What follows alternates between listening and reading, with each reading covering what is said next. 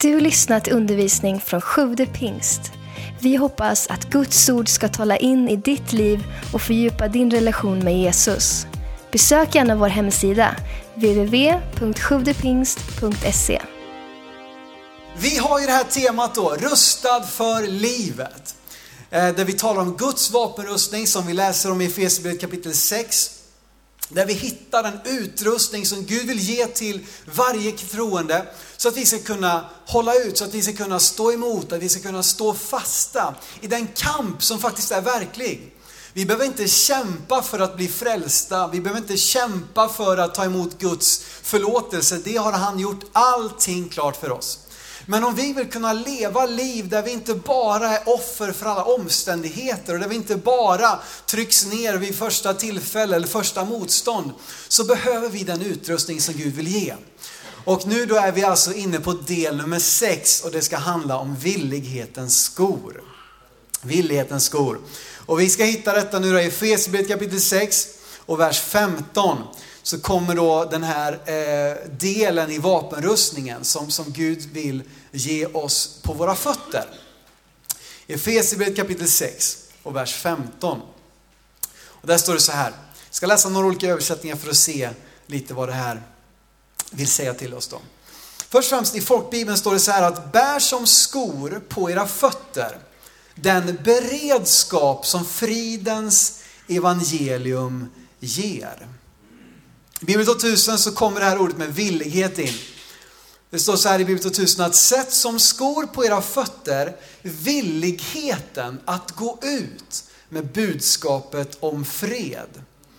Och så finns det en härlig, den här ordagranna, lite stela men också lite goa översättningen. Åkessons översättning som är så gott som ordagrant från, eh, från, från grundtexten. Lite hackigt ibland men där hittar man också någonting och det står så här.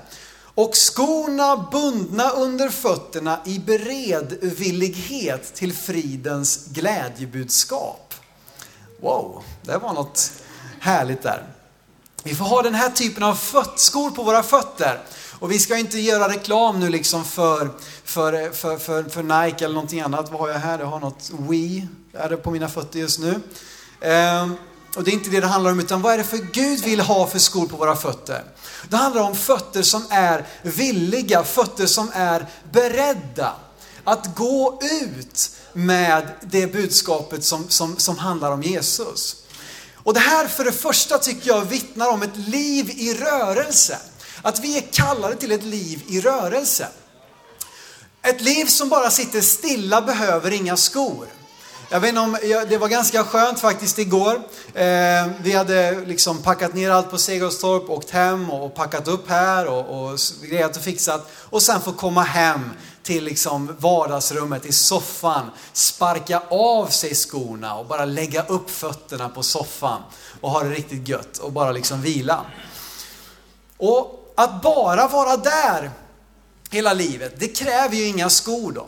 Där, där klarar jag mig ganska bra barfota. Det skulle rent av vara obekvämt med skor på fötterna i soffan. E, e, enligt mitt tycke i alla fall. Nu kanske du har några sådana här fina liksom ekosandaler som är liksom formgjutna som du tar på dig när du kliver ur liksom uteskorna och så in i dina favvotofflor och det är väl helt okej okay då.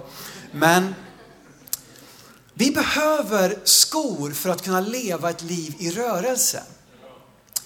Jesu egen uppdragsbeskrivning till oss, kommer du ihåg vad han sa? Han sa, åt mig har givits all makt i himmel och på jord i missionsbefallningen. Gå därför ut och gör alla folk till lärjungar. Han talar om att vi ska leva ett liv i rörelse, vi ska gå ut. Och för det så måste vi ha rätt sorts skor på våra fötter.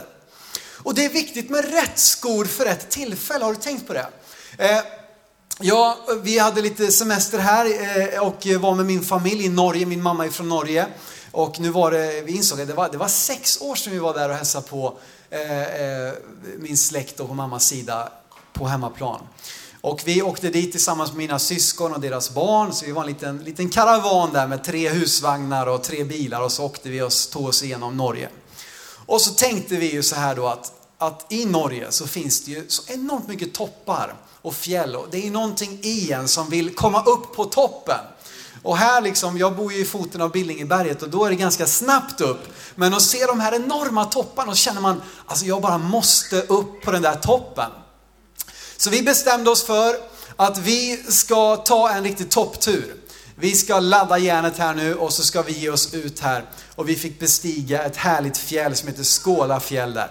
Eh, tror jag det hette. Eller Skål, Skålatoppen eller något sånt där. På 1848 meters höjd. Och så fick vi börja nästan nere vid havsnivå, så det var en rejäl stigning. Det tog nästan hela dagen. Och då är det ju så viktigt att ha rätt skor på sina fötter. Rätt skor för rätt uppgift. Och faktum var att en utav gänget där, eh, det tog väl emot lite grann, men han fick skoskav efter bara någon timma. Så han kände om jag ger mig upp här, jag kommer sabba mina fötter och få lida av det resten av semestern. Så han vände och gick ner. Eh, men just att ha rätt skor på sig för rätt tillfälle. Så det är viktigt då när vi ska gå ut med evangeliet att vi vet vad för typ av skor Gud vill att vi ska ha. Likaså, du kan naturligtvis ta liknelse med massa grejer. Om du ska åka skridskor, du måste ha skridskor på fötterna. Om du ska liksom, eh, ja, ägna dig åt någonting annat. Eller jag fick, jag fick låna Jörgen Janssons motorsåg här i, i somras. Och då sa han till mig, ska du ha den här då måste du ha rätt kängor här. Jag tänkte det är väl bara att ge sig ut där i liksom i, i, löpardojorna och så kör vi lite här. Nej, han sa nej, nej, nej, du måste ha stålhättestövlar, du måste ha liksom motorsågsbyxor och så vidare. Jag fick låna hela kittet där. Eh, och eh, det gjorde mig väl inte så jättemycket bättre motorsågare, men i alla fall rätt utrustad. Och vi behöver rätt typ av skor för rätt typ av uppdrag. Så vad är det då för typ av skor som Gud vill att vi ska ha på våra fötter för att kunna göra hans uppdrag? Jo, det är skor utav villighet. Skor som är beredda. Eh, och jag bara slog lite synonymer på detta med att vara beredvillig. Det, det, det är lite gammaldags det ordet, men det är något härligt. Bered, beredd och villig.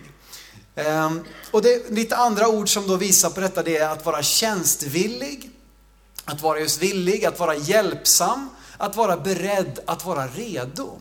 Det är den typen av skor som nu kommer eh, som, som en uppmuntran till oss när det kommer till då vad vi, hur vi ska kunna leva liv där vi får, får eh, liksom stå emot i den andliga kampen, där vi kan vara använda av Gud. Och, och det här tycker jag på något sätt hänger mer på oss än de andra delarna i vapenrustningen. Vi talar om rättfärdighetens pansar, det är inte vår självre, alltså att vi själva är så duktiga, utan det är Guds rättfärdighet vi får klä oss i. Vi talar om frälsningens hjälm, ja men vi vet att vi är frälsta utav nåd, inte utav gärningar. Eh, så att det är ju helt och hållet har med Gud att göra. Vi talar om, om andens svärd som är Guds ord, som vi ska få höra mer om nästa vecka, men det är ju Guds ord. Men på något sätt det här med villighetens skor, tycker jag i alla fall vittnar lite mer om att det är vårat ansvar. Lite mer. Att vara beredda och att vara villiga. Och vad är det då som är drivkraften och motivet för denna villighet? Att vara beredd. Jo men det står ju här i texten att jo men det är villigheten som fridens evangelium ger. Det är ju det som gör att vi är beredda, att vi är villiga. För att vi har fått uppleva och möta fridens evangelium, de goda nyheterna. Det är där i som våran villighet har sitt ursprung. Ehm, så att vi, det handlar inte bara om att vara beredda på vad som helst och positiva till varje tillfälle och bara liksom kasta sig ut och alltid säga ja. Det finns ju en film som heter Yes Man. Han säger ja till allt som kommer i hans väg. Eh, och jag tror inte det är det som Gud vill, utan det är den beredskap som fridens evangelium ger. Eller det ska vara, villigheten ska ligga i att få gå ut med de goda nyheterna om Jesus. Ett liv i rörelse. Och när jag tänker på villighetens skor, då tänker jag på scouterna. Har vi haft några här som har varit med i scouterna eller kanske Royal Rangers eh, som är lite mer i pingst kanske och lite sån här. Vi hade någon som hette Pionjärerna. Har vi någon som var med? Jag tror min, min fru var med Pionjärerna. Så mycket kommer hon ihåg idag, även om hon är lite trött kanske. Scouterna. Är det någon här som kan deras valspråk? Alltid redo. Alltid redo. Det är någonting härligt med det tycker jag. Jag är alltid redo. Och, eh, och eh, det är ju verkligen, en, alltså snacka om ett, ett, en attityd, liksom, en fantastisk attityd som man då lär sig i scouterna att vara alltid redo. Jag har själv inte gått scouterna så att jag, jag har inte liksom, liksom fått tag på det där därifrån kanske då. Men, men på något sätt så är det där, ändå så har jag lärt mig deras valspråk. Så det måste ju säga någonting om att de har lyckats lite grann med det där. Och jag kommer att tänka på ett bibelord här i Lukas kapitel 12. Och här nu så handlar det om, i sammanhanget här så är det en liknelse om Jesu återkomst, att han ska komma tillbaka och det är liknelsen av en bröllopsfest. Eh, men ändå så tycker jag att den här versen eh, bara vittnar om detta. I Lukas kapitel 12 och vers 36, hur vi ska vara då i vårat tjänande, hur vi ska vara i vår relation till Gud. Och det står så här, var som tjänare som väntar sin herre hem från bröllopsfesten och som genast är redo att öppna för honom när han kommer och knackar på. Det är den typen av tjänare jag tror att Gud vill att vi ska vara. Vi ska vara redo, vi ska förvänta oss att Gud kommer komma och knacka på. Och när han gör det, då är vi redo att öppna dörren. Och inte då liksom, jaha kommer du nu och jag har inte städat och jag har ingen mat i kylen och, och liksom, jag, har ingen, jag, jag har inga rena lakan och liksom, det är kaos här och toaletten den, den är ofräsch och vad det nu är för någonting. Nej, vi lever ett liv som är redo för det som Gud vill göra för oss. Inte liksom när vi bara då förväntar oss att jo men när väl frågan kommer, då ska jag börja tänka på att vara redo. Då ska jag börja respondera och börja förbereda mig. Nej, vi ska vara förberedda som en tjänare som väntar på sin Herre. Förvänta dig att Gud vill använda dig. Förvänta dig att Gud har liksom ett ärende med dig. Förvänta dig att Gud vill vara till, liksom välsigna andra människor genom dig. Så att när människorna väl kommer i din väg som Gud kanske vill att du ska välsigna, men då är du redo. Alltid redo. Och det där det börjar med ett ja. Och även nu om det inte handlar om att säga ja till allting, för det har vi redan konstaterat, utan det handlar om att säga ja till det som har med Guds evangelium att göra. Att gå ut med de goda nyheterna, det är det vi ska vara villiga att säga ja till. Men det börjar faktiskt med ett ja. Vissa människor säger alltid nej eller tackar alltid nej och det, det eh, ja. Men det kan man ju tycka olika om kanske. Men jag är väldigt glad att det finns människor som valt att säga ja. Att det finns människor som valt att säga ja när Gud har kallat och ingen annan ville säga ja. Jag är glad att det var någon som tackade ja till Guds kallelse att starta den här församlingen. För över hundra år sedan så var det någon som tackade ja till att betala ett då väldigt högt pris faktiskt. Utav att bli utstött till viss del, utslängd eh, ur en, en, en dåvarande församling och så vidare och uppleva motstånd i samhället. Men de sa ja ändå. För att de hade villighetens sko på sina fötter. Jag är glad att det fanns människor som tackade ja till att satsa allt för att den här kyrkan skulle byggas i början på 70-talet. Många människor som gav så frikostigt. Gav liksom av hela sin ekonomi, av hela sin tid, av hela sina liv för att bygga ett hus där människor skulle kunna få möta Jesus, den levande guden, i många, många generationer framöver. Vi är ett resultat av deras ja till kallelsen. Jag är glad att det var någon som hade tackat ja till att vara med i förbönen, det där mötet i Salemkyrkan i Moholm. När jag har min första minne av att jag så att säga tog emot Jesus som min frälsare. Så jag vet inte vad jag var, men jag var, jag var sju, åtta år kanske. Och var här och jag, jag kände att jag blev så gripen där i mötet och jag sökte förbön. Och då var det någon som hade tackat ja till att vara i förbönstjänsten där söndagen. De visste inte att de skulle få leda någon till frälsning innan, men de hade sagt ja redan innan. De var som en tjänare som väntar på att deras Herre ska komma hem och när han kommer så är de redo.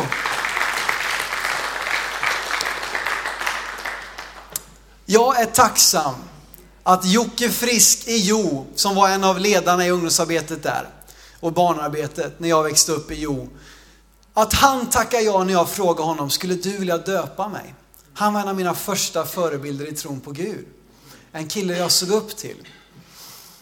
Jag är glad att jag hade vänner som, som, som hade tackat ja till att leva för Gud och som drog med mig på liksom eh, nyårsfestivaler när jag var, även om jag knappt var tonåring än, så de var några år äldre och de drog med mig på det här. De sa, ska inte du komma och hjälpa till? Ska inte du komma och vara med? Klas-Göran bland annat var en av dem som drog med mig. Vi hade ett team och Marcus Nielsen han sitter ju där också. Härligt att få titta upp här och se alla de här personerna jag pratar om. Eh, som drog med mig när jag bara var i tidiga tonåren och sa, hej ska inte du komma med och vara med här och, och, och liksom dra lite kablar och, och, och, hjälpa till och hugga i och, och, och liksom jobba utan lön och, så vidare. Eh, och du vet, de hade tackat ja till Guds kallelse och bjöd med mig på resan. Jag är glad för Bertil och Reidun Nilsson som jag ofta återkommer till. Ett äldre par, de bor just nu på Ekedals äldreboende här nere i, i stan. Och på 50-talet så åkte de ut som missionärer till Sri Lanka. På båten dit, det tog flera veckor att komma fram. Och så kom de till ett i stort sett helt buddhistiskt land, där nästan inga evangeliska församlingar och började plantera en kyrka. Som än idag växer och frodas och har hjälpt många, många människor till tro på Jesus. Och sen har de valt att fortsätta leva för Herren. De är ett av mina främsta föredömen på att leva för Gud genom hela livet. Och de har gjort det både genom att vara missionärer på Sri Lanka, i Thailand och varit pastorer runt om i Sverige. Och än idag när jag möter dem, Reiden hon är eh, lite liksom, eh, ja, har haft lite jobbigt sista åren, men Bertil han är, även om han är liksom lite vad ska säga, svag i sin kropp, så är han lika pigg i anden alltså. Vi var där jag och Jennifer hade en andakt här i våras och Bertil var där vet du. Och han är ju som en pastor där på äldreboendet och han, vad roligt att du är här idag. Liksom, han går runt och bara ler mot personalen och han satt med och sjöng med och bad och tackade. Vet du. Och han fortsätter att leva för Gud hela sitt liv. Och det började med att han sa ja en gång i sin ungdom. Att få tjäna Gud, det börjar med ett ja. Och jag är tacksam att Daniel Widmark sitter här framme, valde att säga ja till att bli ungdomspastor här i kyrkan för snart 15 år sedan. För när jag flyttade hit till Skövde och började gymnasiet här, så fanns det liksom en, en grym ungdomspastor som jag kunde börja hänga på och liksom ganska snabbt få, få ja, men börja tjäna Gud. Och Daniel gav mig jättemycket utrymme och förtroende.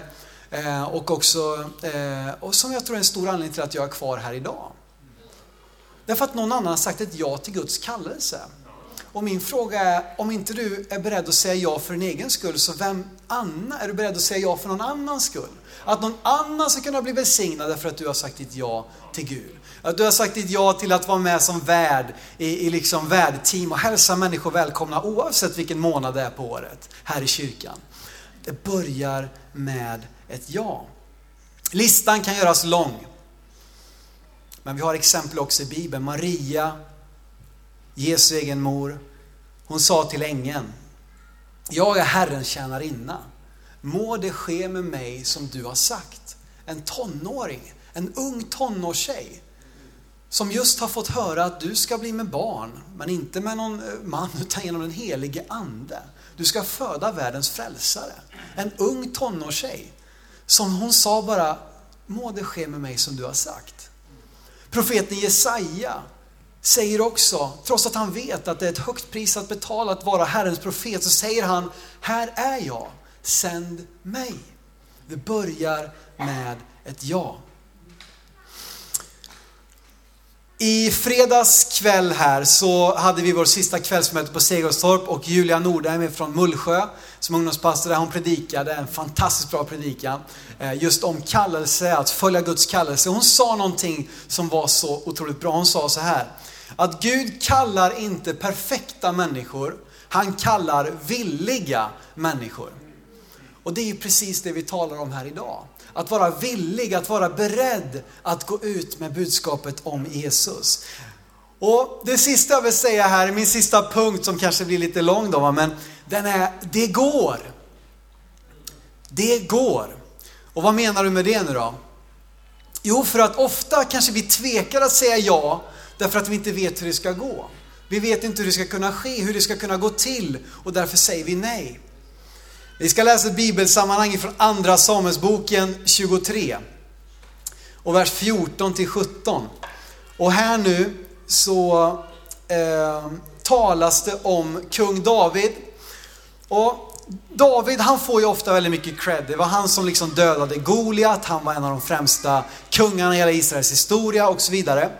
Men faktum är att, att han hade inte varit det om det inte vore för människorna runt omkring honom. Och på flera ställen i, i, i både Samuelsböckerna, krönikeböckerna, kungaböckerna så kan vi läsa lite stycken, lite berättelser om Davids hjältar.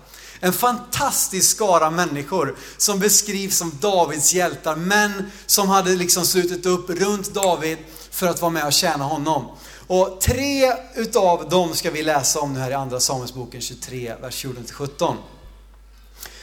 En gång drog tre av de 30 främsta männen ner och kom vid skördetiden till David vid Adullams grotta.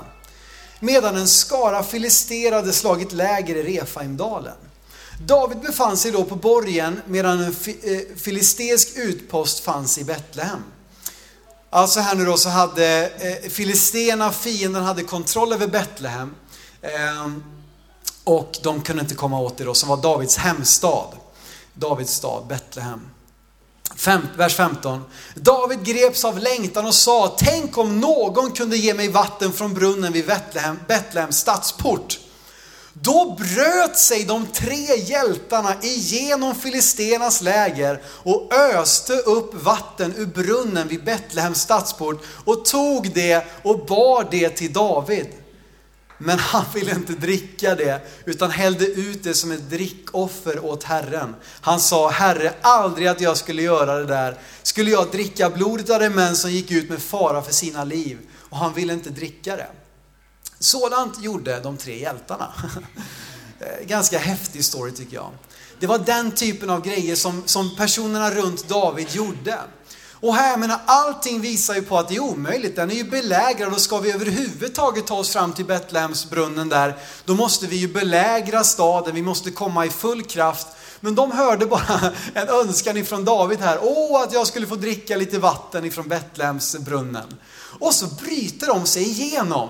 Och de liksom bara slår sig fram där. Och de undrar liksom, nej, de har kommit igenom. Ska de liksom in och ta alla, alla skatterna här nu? Eller ska de, ska de ta över Betlehem? Nej, nej, vi ska bara hämta lite vatten. Är det okej? Okay? Och sen så springer de tillbaka med vattnet till David. Bara för att de hade en attityd av att det går. Det går.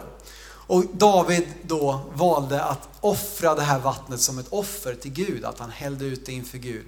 Och eh, det är väl också någonting att ge Gud äran i det. Men det är så lätt att bli styrd av allt som inte går.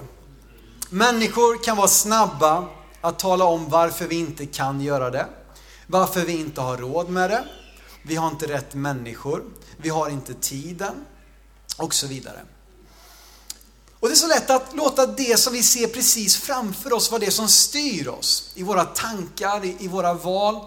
Och inte minst kan detta gälla människor runt omkring oss som vi tänker att nej men inte är väl han intresserad av Jesus. Inte är väl hon intresserad av en tro på Gud. Hon har ju allt det där, eller han har ju allt det där.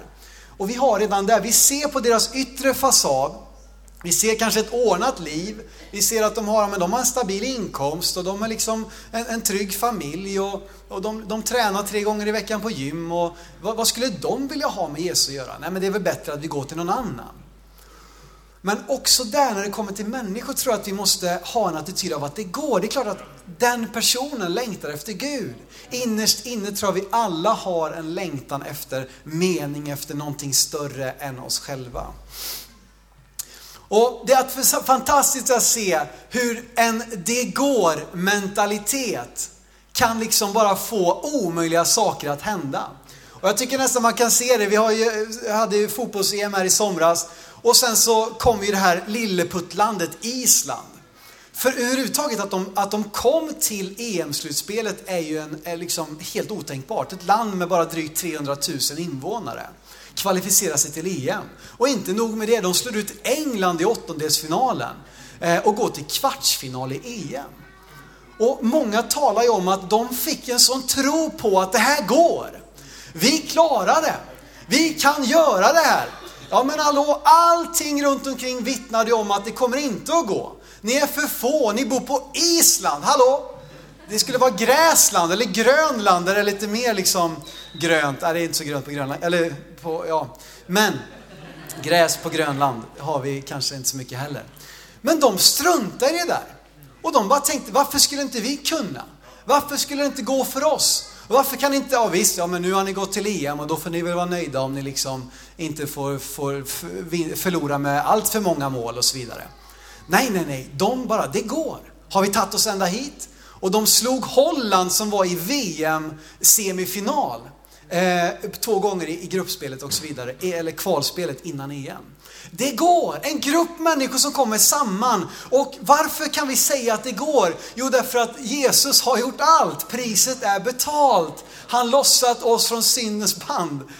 Och han gjort all, han har, priset är betalt. Jesus har gjort allt. Och när vi då går i linje med hans evangelium, med det som har med honom att göra, så är det klart att det går. Våga drömma större. Våga välkomna utmaningar. Och inte minst det här med, vi, vi pratade om det, för det här att vi har haft det här Segelsorp YA, de unga vuxna. Och bara vi, det, det, det, liksom, det började med att vi för ett år sedan började tänka, men hur kan vi fånga upp fler människor med det här med Segelsorp? Hur kan vi göra någonting för, så att fler kan få plats? Och så började vi tänka de här banorna. Och det var så lätt då från början att nej, men det kommer vi inte orka och det kommer vi inte klara och det är väl ingen som vill komma och blir vi 15 får vi vara glada och, och så vidare. Nej men hallå, varför skulle det vara så? Det är klart att människor vill komma och vara med på en fantastisk helg och möta Gud. Om vi tror att de går. Men om vi tror från början, nej, nej, nej, det är, ja, jag ser, jag ser och så, nej, alltså visst, vill du komma, det kan du väl göra, det blir ju en halvdan helg, men, men visst, eh, har du inget bättre för dig och, och lite pengar över så, så visst, du kan väl anmäla dig. Nej, att vi har en det går mentalitet och redan nu så håller vi faktiskt på och drömmer om hur vi skulle kunna utöka Segelsorp ytterligare. För i år så var det så många ungdomar, tonåringar som inte fick plats. Som, det var vissa ungdomsarbeten, de fick inte med sig kanske en tredjedel så många som de trodde för att det var fullt efter bara ett par veckor, just tonårsveckan då. Och varför skulle inte vi kunna göra plats för fler? Varför skulle inte vi kunna om Gud är med oss? Om det har att göra med evangeliet, om det har att göra med uppdraget att gå ut och göra folk till lärjungar. Varför skulle det inte vara möjligt?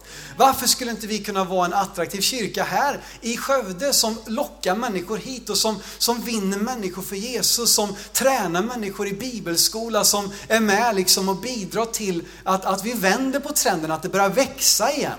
Att vi ser att det planteras nya kyrkor i det här landet. Varför skulle inte det gå? Nej, men det var något som hände på 30, 40 och 50-talet. Då planterar vi. Nu håller vi på att lägga ner eller slår ihop. Nej, men varför skulle det inte gå? Vår förväntan och tro på vad som är möjligt eller inte speglar i stor grad våran gudsbild. Jag säger det igen, att vår förväntan och tro på vad som är möjligt eller inte speglar i stor grad vår gudsbild. Om vi har en tro på en Gud och en bild av en Gud som är stor och mäktig, så varför skulle det inte gå? Jag läste en fantastiskt bra krönika av Dan Salomonsson som är pastor i Uppsala pingst. Och jag ska bara ta ett litet, han skrev den i Världen idag för några veckor sedan och det var så otroligt bra alltså. Så att den skulle jag nästan läsa hela, men jag ska läsa ett liten del där han talar om, eh, ja, nu fick ni det där så vi läser det då. Eh, det står så här att när man talar om vad som är realistiskt är det förödande att utgå från en liten verklighet. Om ett förslag betraktas som realistiskt eller inte vittnar inte om vad som är genomförbart, utan snarare om hur stor verklighet man lever i. I en förkrympt verklighet är inga förslag realistiska. Men en människa som vidgat sina vyer och ser en större verklighet har tro för att riktigt stora idéer är realistiska. Så frågan är, vad har vi för bild av Gud? Vad har vi för bild utav vad han kan göra genom dig och mig? Jesus säger så här i Lukas 18.27. Det som är omöjligt för människor är möjligt för Gud. Det som är omöjligt för människor är möjligt för Gud. Frågan är om vi är beredda att sätta villighetens sko på våra fötter så att vi kan gå ut och se Gud överträffa våra förväntningar. Se Gud låta hans rike växa och expandera. Se Gud göra långt mer än vad vi kan drömma eller tänka. Men för att det ska ske behöver Gud både din vilja och dina fötter. Att du både är villig i ditt hjärta men också låter det få landa i dina fötter så att du börjar gå. Tack för att du lyssnat. Glöm inte att du alltid är välkommen till vår kyrka. Du hittar mer info på www.sjuvdepingst.se